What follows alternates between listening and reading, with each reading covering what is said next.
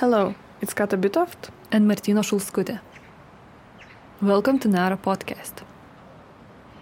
In her book Braiding Sweetgrass, an acclaimed author and distinguished teacher professor of environmental and forest biology, Robin Wall Kimmerer says Each person, human or not, is bound to every other in a reciprocal relationship. Just as all beings have a duty to me, I have a duty to them.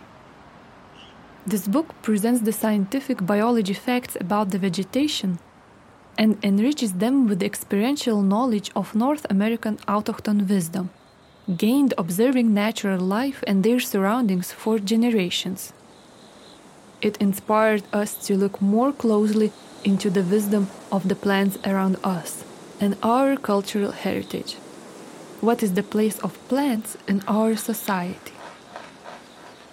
Society, by definition, is the aggregate of people living together in a more or less ordered community.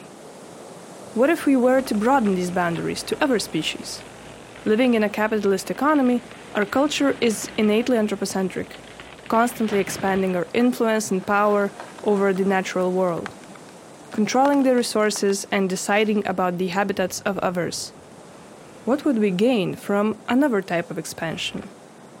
Expansion of perception, including other kingdoms of life into our society.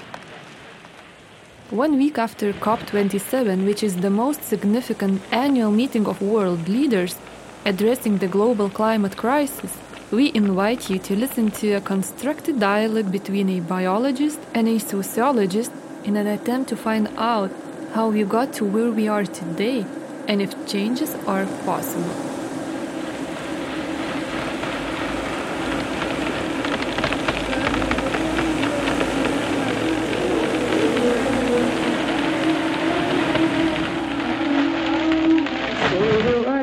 Avietės ant kalno, ant kalno, aš avietės pakirsiu ir žiedelių surinksiu, aš avietės pakirsiu ir žiedelių surinksiu.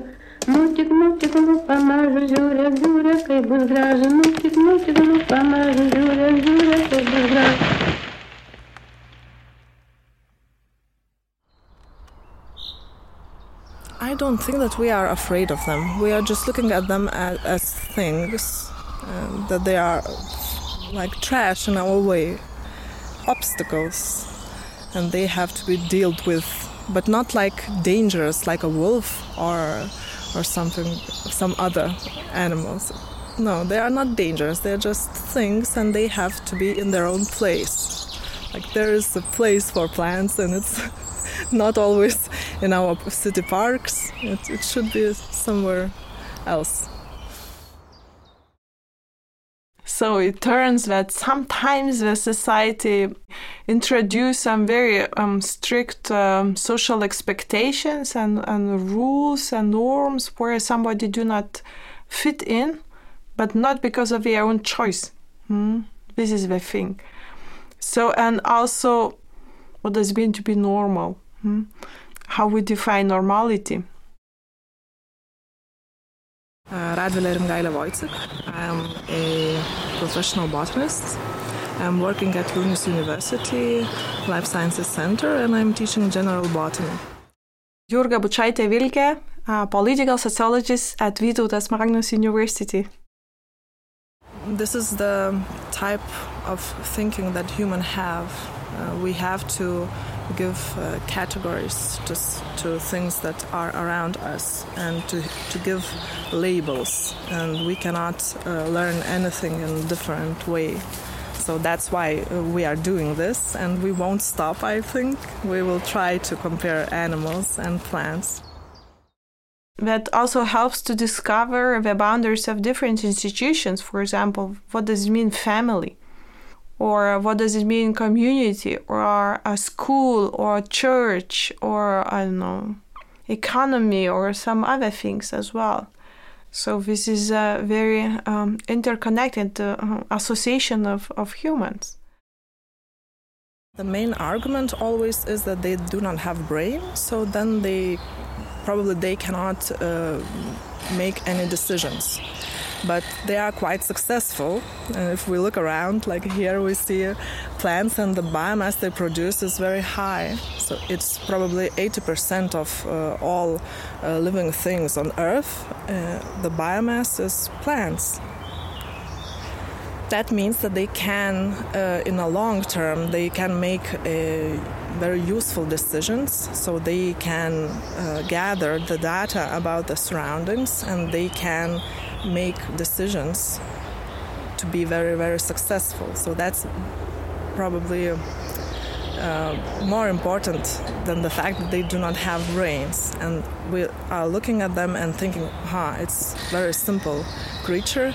It has no nervous system, but all the senses they have, they are diffused. They do not have eyes, ears, they do not have lungs. They are doing it with their whole body. But how exactly it happens, even on molecular level, what is uh, influenced by, by what, we cannot say for sure. Yes, if you are uh, discriminated, if you are in a very dissatisfactory position, you're always in, in a smaller power position. You are a beggar at some point, yeah, because the society requires to fit to some standard, for example. I mean, some basic living standard. Probably that's the main thing, the main problem that we do not understand, we do not want to see uh, all those things. I don't know, maybe not, not only because they are dirty, it's uh, kind of sad to talk about death. I think we usually do not have normal relationship with this thing, what happens when, when our pet dies, uh, and it's also easier when your plant dies. You just throw throw it into to a trash bin, and that's it. Like when your dog dies, you have all those feelings, but you can mourn for for a tree as well.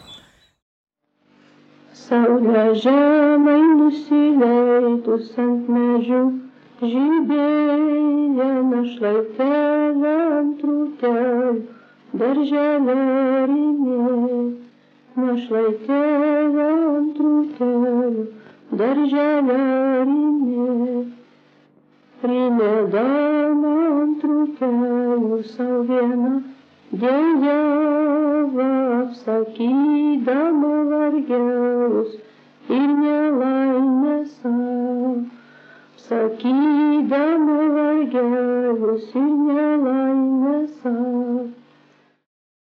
It's quite hard for me as a botanist to explain exactly what's so scary about the falling tree. Uh, but yeah, the tree has to be cut into pieces and uh, removed from that territory. And that's interesting because every fallen tree is an open opportunity for different species, for bigger diversity, and it's very interesting to observe it uh, to come with your little children and to show how new life emerges. But we just want to clean it and have it tidy, and we want to have a green wall. Um, it should be monotonic uh, without uh, any obstacles for us to see. The essence of a, of a society is to be stable not to be in chaotic situation is to stabilize everything. And you can stabilize societies by different means. First to have legislation and rules uh, law in general. Uh, then to have court system. Uh, well organized institutions starting from education very much very uh, standardized thing. Mm, and then the going to I know healthcare to some economic institutions and some other institutions as well. So everything is in order, and and there are very uh, nicely written rules how to become a part. So this is the essence of a society, how to function. And if you ask people around, everybody wants to live in peace. Nobody wants a chaotic life. And so this is the price we are paying for. A, high living standards, high quality of life, high consumption, and safety in general. So, this is the price. talk about plants not exactly uh, not uh, essentially about like food or uh, pharmaceutical plants or weeds that we need to uh, get rid of uh, but just talk about individuals and how they are um, what are the properties of, of their life uh, and growth and how they are interesting and different from us and then if we look at the question of a society and its boundaries, so we always try to find these organizing principles. And if we look at the modern society, we see that the class system in uh, in in uh, in um, market economy in uh, in recent political regimes are about uh, class system and classes social classes based on economic resources mostly Mm? So among those who have everything and among those who does not have, I think. Plants are the problem solvers because they are in this environment and they have to adapt to the environment. They cannot just, well, I will move out of this country. I do not like the situation here. I just move. And then animals, they have the different strategy something happened and I just jumped and ran away because I got scared. So I did not solve the situation with the, the thing that is scary. It's, I just moved to a different location. These are um, double choice of people. They want a stable, nice life, but at the same time, we feel that we need this uh, interconnectedness, emotional connection, some approval of their values. Because tradition, the essence of traditional community is more about the other things that are distinct from a, from a modern society, that is more about friendship, that is more about um, mm, uh, emotional affection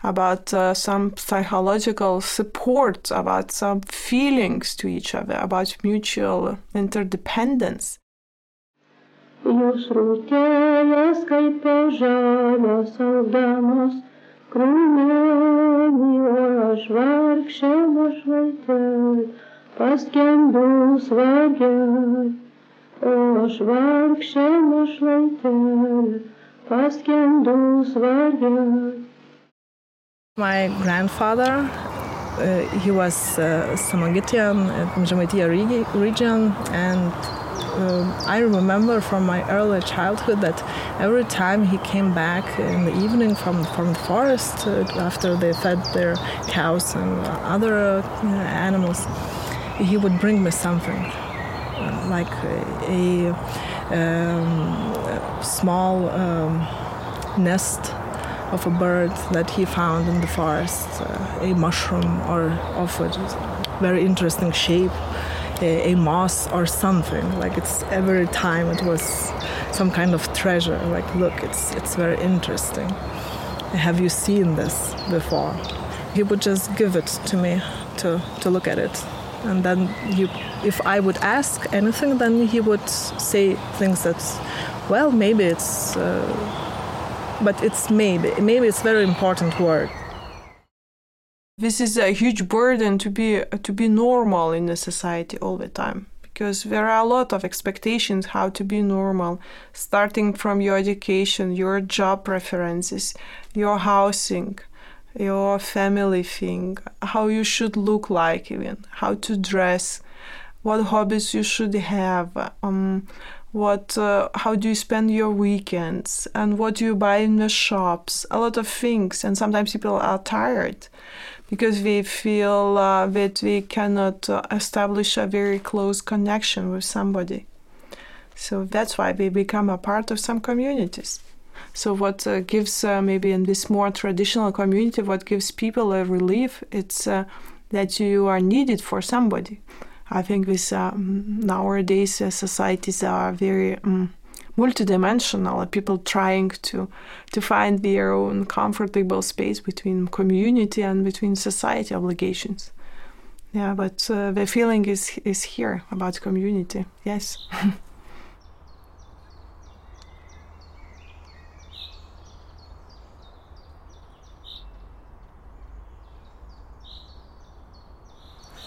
um, yeah, we are in the nature, and yeah, what I can see, I can see that different height of plants, and I think it's quite easy for, for you to see it as well. And the different shape of leaves. Can you see it? Like it, we can we have these narrow leaves here, and then the compound ones down there, and on the surface of the soil we can see also different types of leaves. So probably that's the start when we try to deal with the plant blindness just to try to see that it's also the the meadow is similar to a forest. We have those different heights and different species living on the different levels with a different uh, light intensity coming to, to them as a National Geographic a, a channel, we have this logo celebrate diversity. So as a nature, we are celebrating diversity and they are happy about it, and this is our nature. Yes, actually, we need to have this uh, colorful uh, uh, landscape or colorful picture of a society within uh, like normal groups, if we could say so, and marginalized groups. We always have this. Although we have this um, very high level economic and technological advancement in all technologies but uh, humans as a social as a social beings uh, we have the same needs. Because uh, humans are in groups we are um, constructed to be in groups and to learn from each other. To learn from interaction from um, to be a part of a socialization and etc when we look at the grass, it's it's more plural for us. The tree, it's like huge uh, chunk, not not the best word, uh, of uh, wood, so we can see it and understand it, perceive it as an individual. The grass, not so much, but the problem is the same. Like we do not know if they are just a colony, or is it a separate. And we, if we go to the bigger scale, if we talk about the forest, it's the same thing. Now we already know that they are sharing um, not only information but also food uh, between uh, different trees, not between the same species even, uh, via mycorrhizal network. And we know that they are communicating quite well. So maybe the forest is an individual, not a single tree, a single grass in that community. And here we do not have the uh, empirical data to show the relationship. And it turns to more complex questions about interconnectedness, about who has been recognized and who has not, who has power for decision, who has power for social recognition and who does not, and who can have a high social status and who cannot.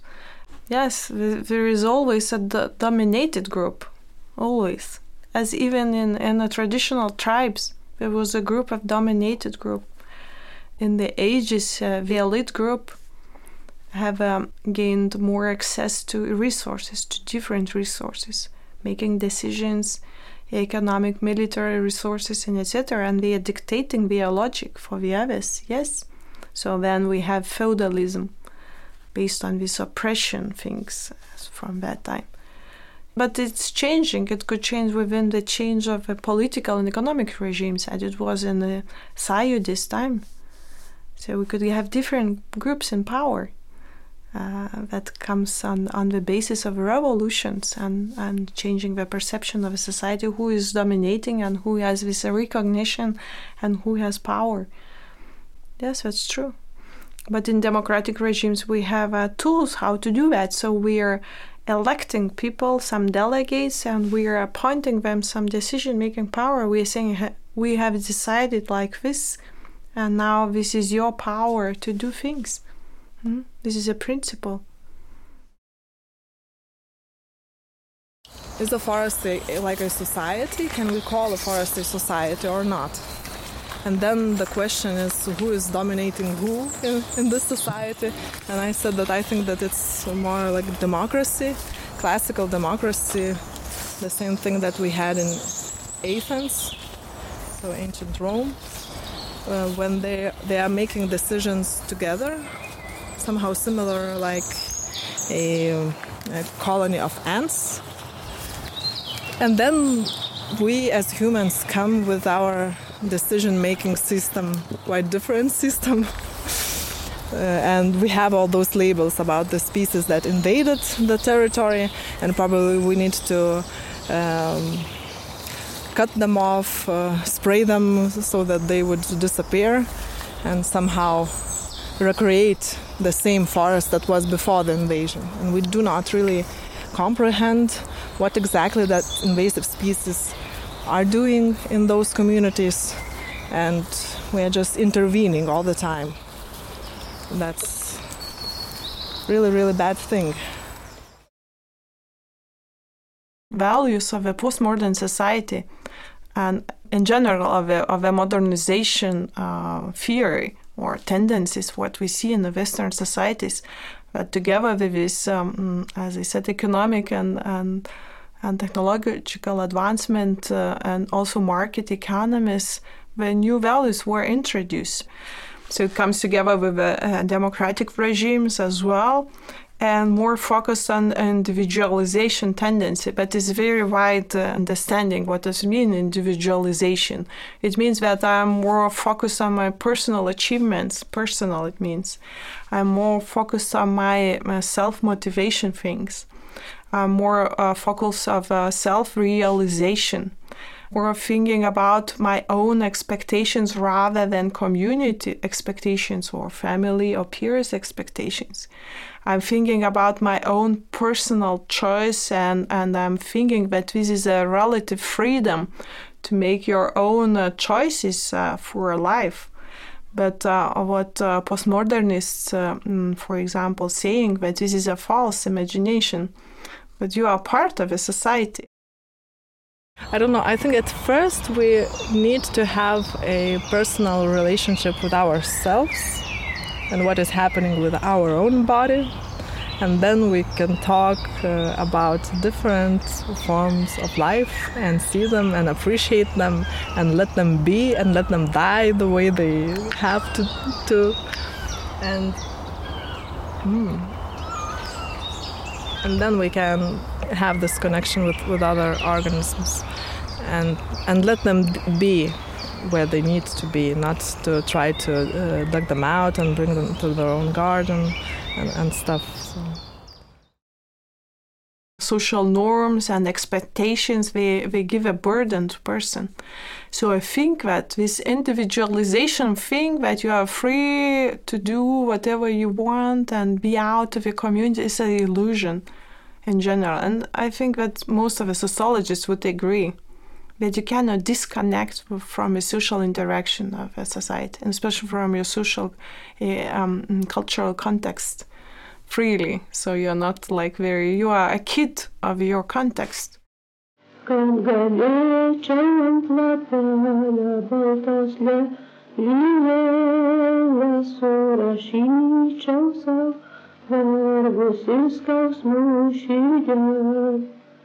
Surašyčiau savo vargus ir. We are true animals. We are just running around and, and escaping the situations that are scary for us. That's just our nature. We cannot change. We do not need to change that uh, what we can do. Sometimes we will just sit near the tree, meditate a little bit. It's very close to our cultural heritage. So that's what we can do, I think.